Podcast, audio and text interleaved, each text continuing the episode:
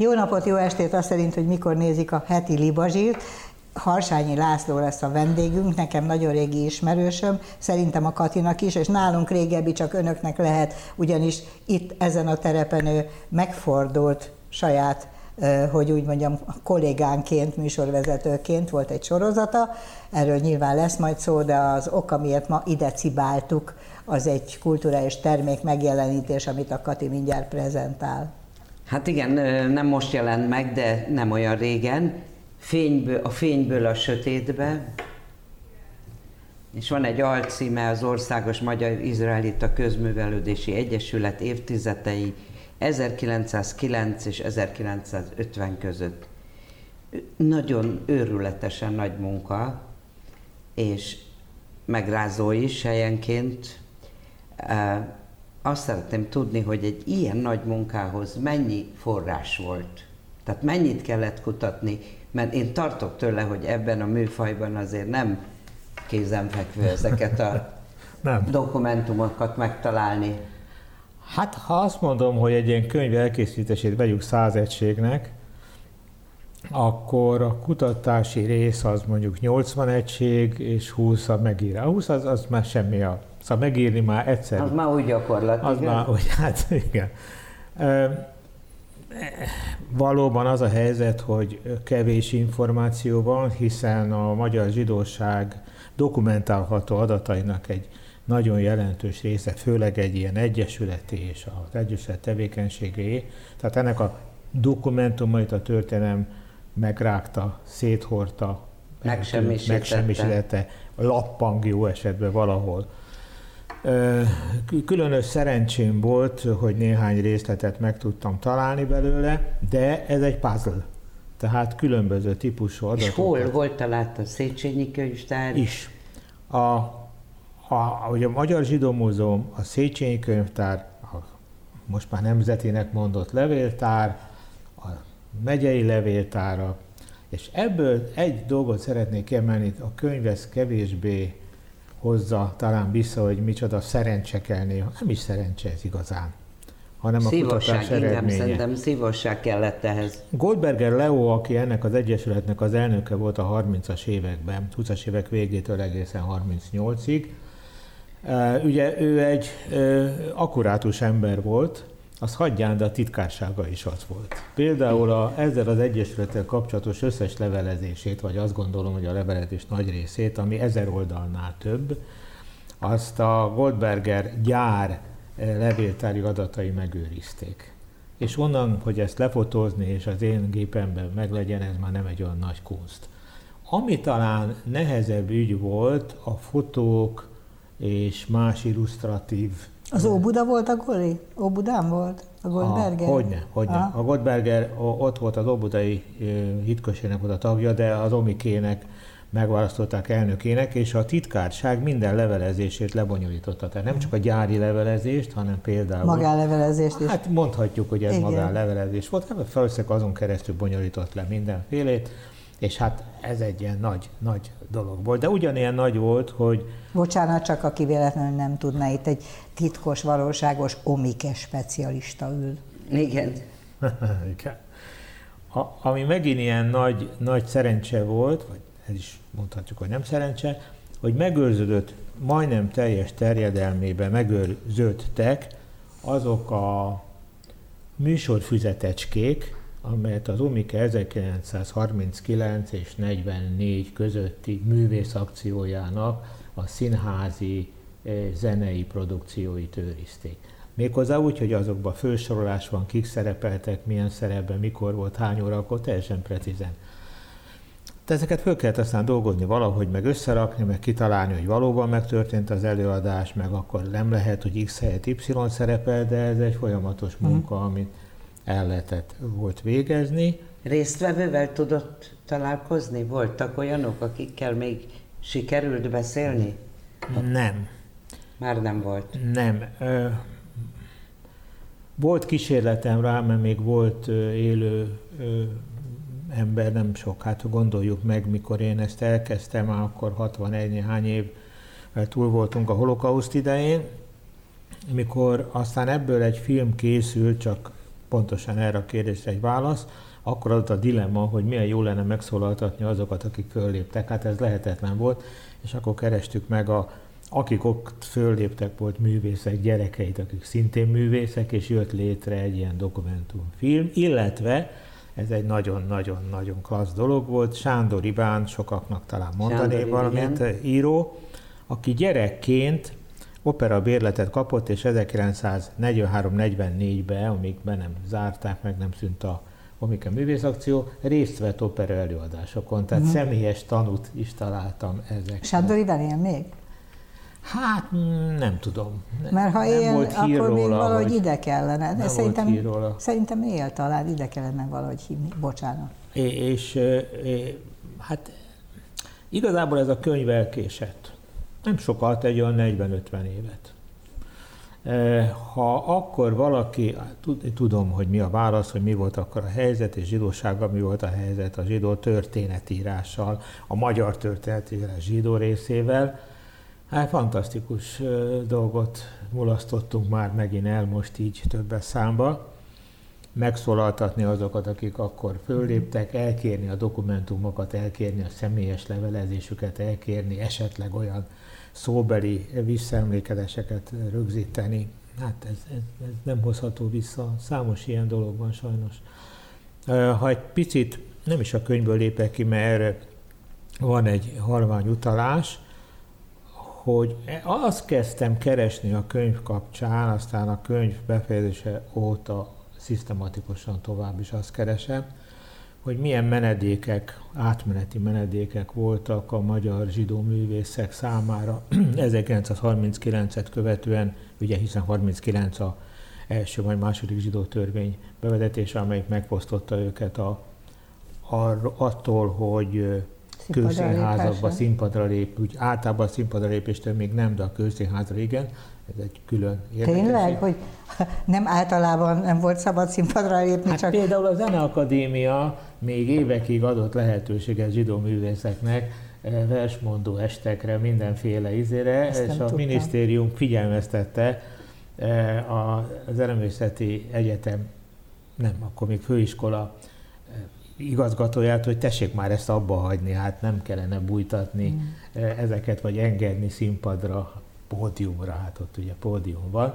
És direkt azért találták ki, hogy segítsenek rajtuk, vagy egyébként is ott rendszeres volt a, a pódiumon való rendszeres, fellépés? Feltehetően rendszeres volt, de nagyon sokan léptek föl, és annyira jellemző a könyvben beidézem a minisztériumnak azt a levelét, amely a nem zsidó művészeknek írt, hogy ez sajnálattal értesül a minisztérium arról, hogy föllépnek zsidó kollégáikkal együtt különböző rendezvényeken, és ez micsoda helytelen. Tartózkodjanak ettől. Igen, igen, igen. Számomra az egyik leg, legizgalmasabb kérdés, ugye se internet, se mobiltelefon, se a telefon is azért nem volt nagyon megbízható, hogy hogy tudtak létrehozni egy több ezres közösséget, hogy hol, hol tudták ezt szervezni, hogy tudták ezt szervezni, Erről ez az egyik, ami nagyon izgat, a másik pedig a színészkamara uh-huh. munkája, ugye az első zsidó törvény után.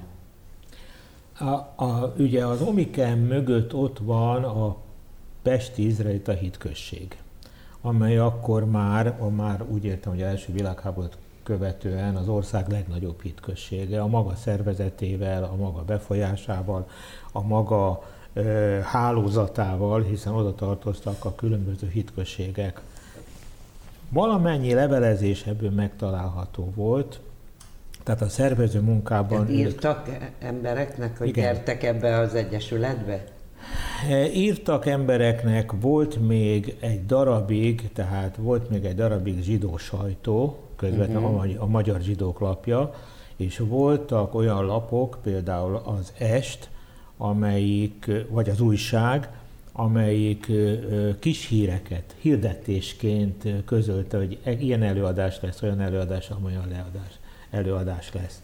Azért lássuk be, hogy most ugye a Omikének a 39-44. évi rész történetéről beszélünk, azért ez alapvetően budapesti történet uh-huh. maradt, de hát most éppen a könyvben is van, de újra elővettem, próbáltam valamit. Nagyon kevés irat maradt meg a vidéki hitközségekből, de Pécs és Szeged iratok nagy sokasága megmaradt, és Pécset és, és Szegeden részben az Omiker, részben pedig saját erőből csináltak olyan művészeti esteket, ahol fölléptettek egyébként mindenhonnan máshonnan már kitiltott művészeket. Lehet, hogy máshol is, ezt nem tudni, mert nem maradt nyoma. Ez hát, ilyen szivárgó ellenállásnak fogható fel, a megkülönböztetéssel szembeszállásnak, vagy egyszerűen csak próbáltak életlehetőséget és kereseti lehetőséget adni, tehát minimál szolidaritásként kell inkább értelmezni? Én úgy értelmezném szívem szerint, hogy a közösségeknek az önvédelmi reflexei indultak meg. Ennyire. Mondhatna, hogy nem többre, de ennyire uh-huh. mindenképpen. Tehát itt azért alapvetően arról volt szó, hogy azok a emberek, akik ott éltek, és valamilyen hajlandók voltak, képesek voltak, még örültek is neki, hogy, hogy elmehetnek egy hangversenyre, egy színházi előadásra, és ezért fizetnek, és támogatást adnak, és valamit. Az egész könyv írása és az azóta eltelt idő, amire most lehet, hogy nincs, azóta én 157-en keresztül adtam le folyamatosan anyagot. Nekem azt a kérdést teszi föl, és picit meg is válaszolja, hogy egy rendkívül megszorított, összeszorított, üldözött helyzetben egy közösség mit képes csinálni a maga védelmében. Hogy ez egy kulturális üzenet, vagy másfajta az ebből a szempontból számra közömbös, mert én ugye a kultúrában élvén azt gondoltam, hogy ez egy példaértékű dolog, hogy 39-et követően a zsidóság, elsősorban a neológ és budapesti zsidóság megteremtette egy fórumot magának, ezt föntartotta, hát nem sok állami támogatást kaptak, ugye ez Ó, nem, igen. Hát és azért mondjuk el azt is, hogy itt nem csak színházi emberek, nem. Hát akkor, akkor társművészetek. Abszolút, tehát teljes művészeti paletta, hát hat képzőművészeti kiállítást rendeztek ez alatt az idő alatt, de úgy, hogy egy-egy kiállításon az összes művész, aki szerepelt, volt, aki többször volt, aki egyszer a 165, ha jól emlékszem fejből, amiben voltak első osztályú, ma már a művészet történet által első osztálynak művészet, és voltak amatőrök és dilettánsok. Minden volt, mert ott az volt, hogy vásárolják meg a képeket, és még tudjanak kenyeret venni három hétig. Ugyanúgy a táncművészet képviselt. Zsidók támogatták a zsidókat? Tehát mondjuk a nagy tőke vásárolta a képeiket? Vagy... Erre nincs semmilyen nincs információ, hogy, hogy, hogy kik vásárolták, de feltehetően vásároltak, meg feltehetően volt, akinek nem sikerült, mert mondjuk ha egy mű megjelenik egymás után három kiállításon, akkor két Ezt esetben vagy nem vették igen. meg, vagy megvették, de újra festette a művész, mert ilyen szokott lenni. Ezt tudjuk, hát, hogy reprodukáljon már, de hogy ez teljesen bevett szokás volt. De hát Ámos Imrétől kezdve itt volt mindenki, mert hol máshol lehetett volna, ha bár. Ámos Imre, igen. Igen, de ugye, igen.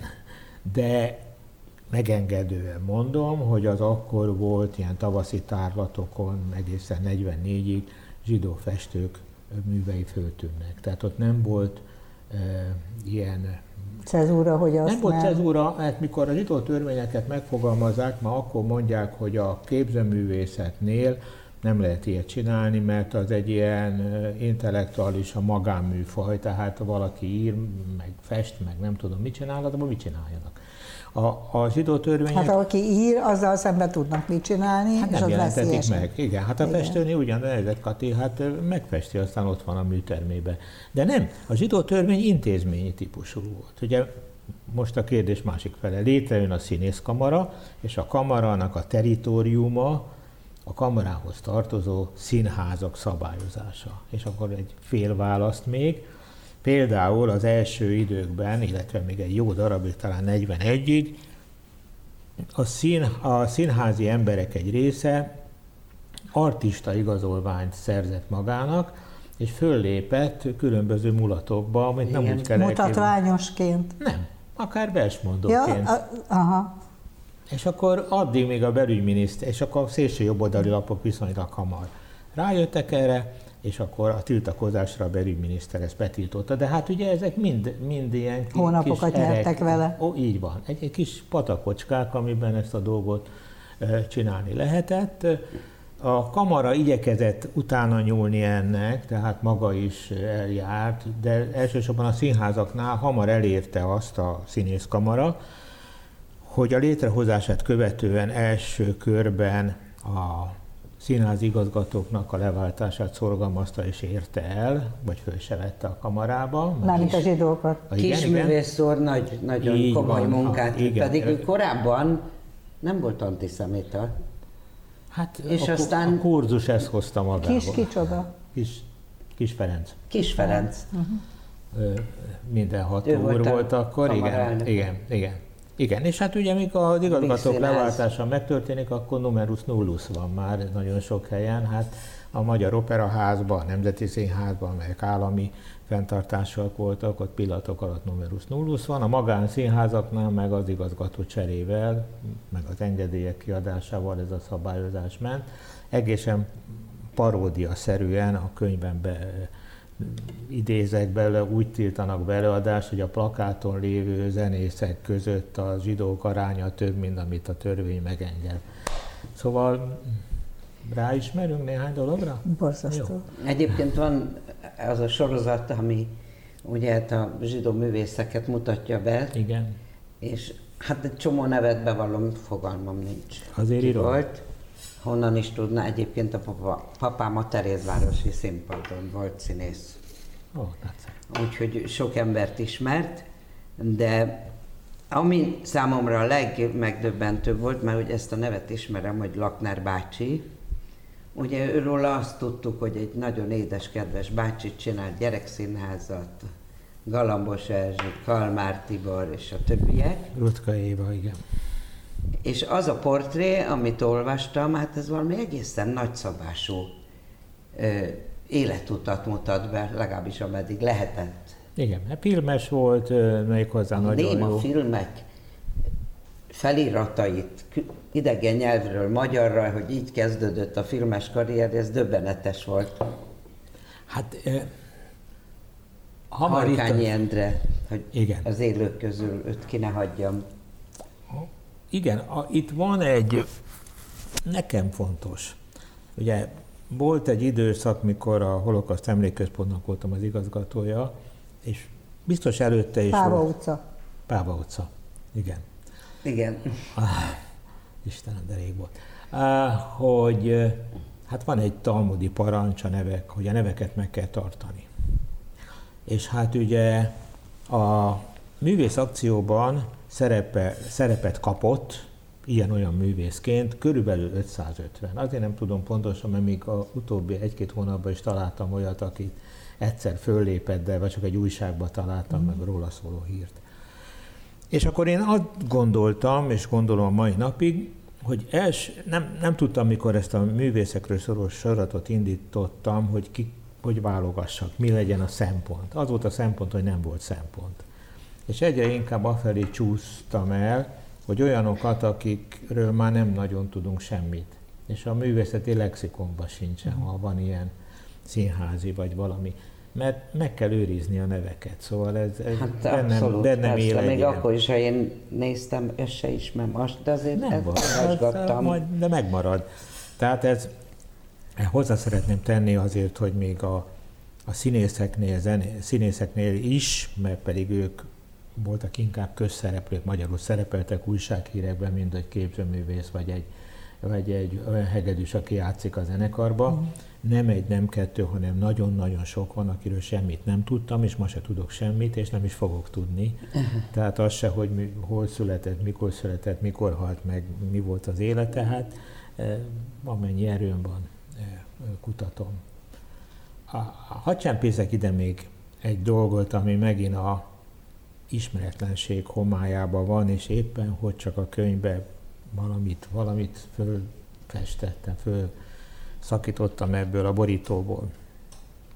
Volt ennek a 39 utáni menedék programnak, nem volt program, de menedék volt egy nagyon érdekes része, amiről keveset tudhatunk, ez pedig a magánsegítségnek a dolga.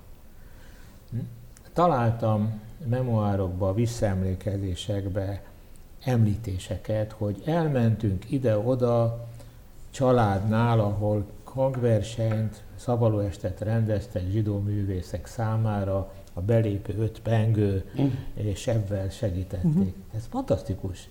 Tehát ugye ez a, ez akik nem jönnek ki a napfényre ezek az ügyek, de volt ilyen a magyar társadalomban, nem feltétlenül zsidók voltak, akik ezt csinálták. Hát nyilván nem voltak zsidók, mert... Hát ahol még, még egy darabig lehetett, ott meg még éltek. Ja, hogy ahol, hát igen, már... meg ahol volt pénz. Igen, igen, igen. Um, nem tudom, hogy szabad-e ilyet kérdezni, de azért engem nagyon érdekelne, hogy mi az a személyes indítatás, ami miatt, hát ez mondjuk nem üzleti vállalkozás, a kis a portrék sem üzleti, hogy mi? Nem sok napi díjam van belőle. Szabad megkérdezni? Persze. Hát nem, én ugye egy zsidó családban nőttem föl, és a Isaac Deutsch fogalmát használhatom magamra, én nem zsidó-zsidó vagyok. Tehát nem vagyok vallásos. E, tudtam, hogy kik vagyunk, mik vagyunk, így nőttem föl. E, sátoros ünnepekkor elvittek Újpesten a templomba a szüleim, hat elemit végzett szüleim vannak, tehát semmit nem tudtak el a dologról. Mindegyik részt vett a megfelelő társasutazáson 1944-ben, de én meg tudtam még születni. És aztán éltem az életemet, lelkes baloldali, sőt, ifjú kommunistaként, és de valahol ez a kulturális lenyomat bennem volt. És a... Te hiszel ilyesmibe, hogy a kulturális lenyomat benne van? Csak ebben hiszek.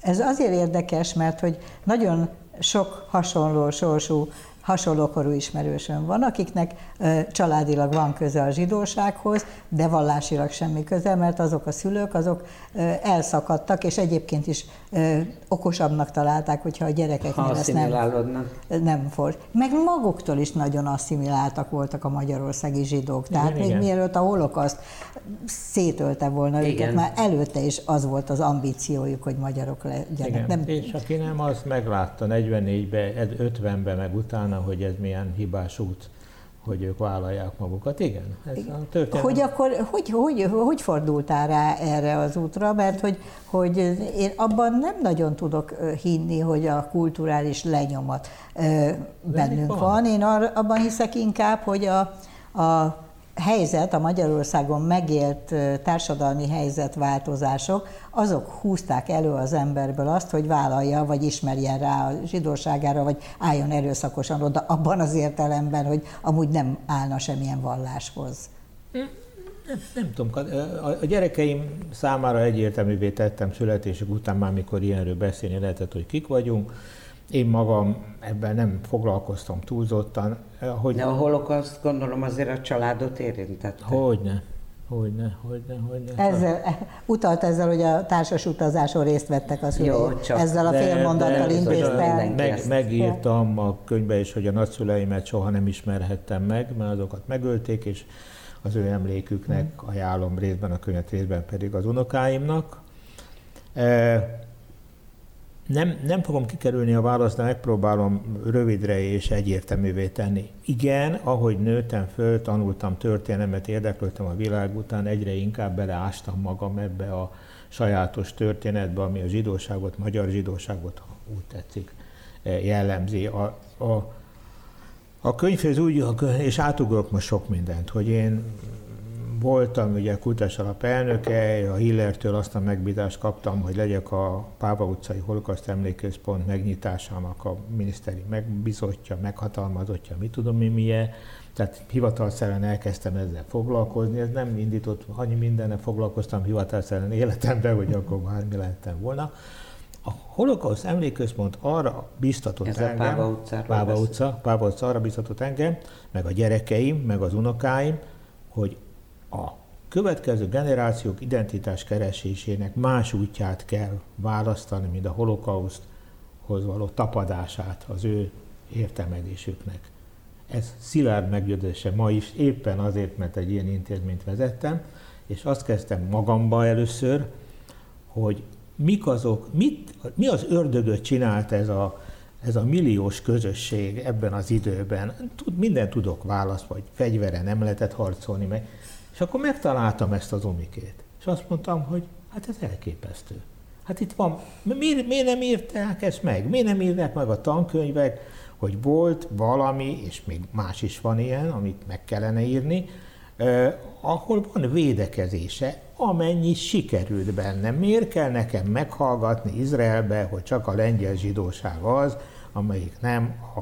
De közösséget találtál, de partizánt nem találtál. Tehát nem szembefordulás volt ez, nem, nem, nem, nem szembefelkelés volt, hanem, hanem egy közösségi de, hát- minimál védelmi. De volt önvédelmi reflexe, Jó, hát, hát valami volt. Minimális azért. Amennyi, annyi. De hát ez, Kati, én csak azt akarom mondani, erről nem lehetett hallani 70 éven keresztül. Nem. De azt kutattad, hogy nem volt-e valami erőteljesebb ellenállási nem, hajlam, nem? Azt nem? Tudtam, tudtam a cionistákról, nem.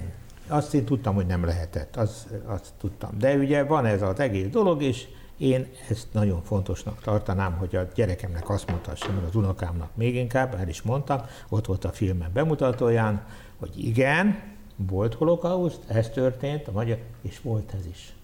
Ez is volt. Nézd meg ezt, nézd meg ezt. Nézd meg ezt, 300 ezer ember nézte meg az előadásokat. Nézd meg, 500 művésznek adtak kenyeret és lehetőséget, ameddig lehetett, amennyit lehetett. Jó, ez arra jó, hogy tisztelegjünk azok előtt, akik ezt megszervezték, és akik támogatták, és, és akik nem, nem, nem csak rettenetes menetekben vonultak Budapest utcáin a csillaggal a kabátjukon, a különböző vesztőhelyek, téglagyártól. Nem, még egy dologra, Kati, mindenképpen jó, arra, arra ösztönözze a ma emberét is, hogy nagyon rossz körülmények között elnyomott helyzetbe ha tetszik. Nem most nem zsidókról van szó, a saját közösségek megszervezésének van lehetősége és reménye. Na ez egy erősen áthalásos mondat volt, de még van két Én és fél percünk. Nekem szabad. Nagyon kevés volt a viháncolás ebben a beszélgetésben, nem, eh, nem, nem, nem, nem adta magát, ahogy ezt mondani szokták a téma. E, igazából, hogy hűek legyünk a libazsírnak a, mm. az attitűdjéhez, az általános attitűdjéhez, akkor megpróbálom inkább azt kivadászni belőle, hogy amikor itt sorozatot csináltál, akkor azt miért hagytad abba? Végigmentél azon az úton, amit kijelöltél magadnak azon a szakaszon, és aztán lekoptál, vagy mi? mi? Miért nem vagy itt? Vannak, voltak hullámvölgyek, szóval csináltam, aztán megjött a könyv, akkor egy kicsit azt mondtam, hogy elég, akkor elkezdtem ezt a művész életrajzokat, 170 valahány művészről írtam ilyen, csak a szakemberek micsodát, nem életrajzot, hanem ilyen... Szóval írni akartál, nem a tévés majomkodás vonzott, vagy mi? Írtam, minden héten írtam. Ha hívtak, hívtak, mentem, aztán volt a film, azt meg kellett csinálni, és most van, és valószínűleg ez az utolsó lélegzethez tartozik, e, ezt a bizonyos menedékek sorozatot teszem közzé úgy két-három hetenként a mazsihisz.hu-n, és osztom meg aztán a Facebookon, mert ez a felület maradt nekem valójában. Szerintem a felületeket azért mostanában az internet világában már szabadon Igen. lehet váltogatni, például ezek a most, mostani beszélgetésünk is fölkerül Ez netre. kétségtelen. Mm. Katika? szépen. Már kész, kirúgod? Igen. Még van egy percünk. Akkor ja, is. Nem, nem nézett az órára, mert én koppanásig szoktam kihasználni, hogy itt van valaki, és akkor még zá, zá, záró aktusként ha nem tudom belőled azt az ígéretet kihúzgálni, hogy akkor jössz majd és folytatod. Bármikor. Na, azért vannak, már vannak, vannak, vannak új dolgok is, eh, amit a könyv után eh, találtam, ha gondoljátok, és megfelel ennek a viccszokásos hangulatnak, akkor összegyűjtöm az összes ilyen vicces, tréfás, jópofa dolgot, mert történnek mindig ilyenek ebben az időben, és abból csinálni egy beszélgetést, az, az nagyon jó. Oké, okay, akkor majd mi ezzel visszavárunk, de egyébként szerintem az a fajta oktatói vagy előadói attitűd, ami benned megvan, azért az ki használásra vár. Igen, Úgyhogy szerintem, szerintem nélkülünk is nyugodtan ide jöhetsz a képernyőre. Menne ez neked marha jól nélkül, sőt, lehet, hogy kicsit jobban is. Köszönjük szépen a figyelmet, jövő héten mi lesz? Tudod Még ez képlékeny, úgyhogy nem mondanék. A jövő heti képlékenynek a jegyében búcsúzunk, de akkor is nézzék majd a libazsírt, mert föl fogja venni a körvonalakat szerintem a dolog, meg a porcot. Viszontlátásra!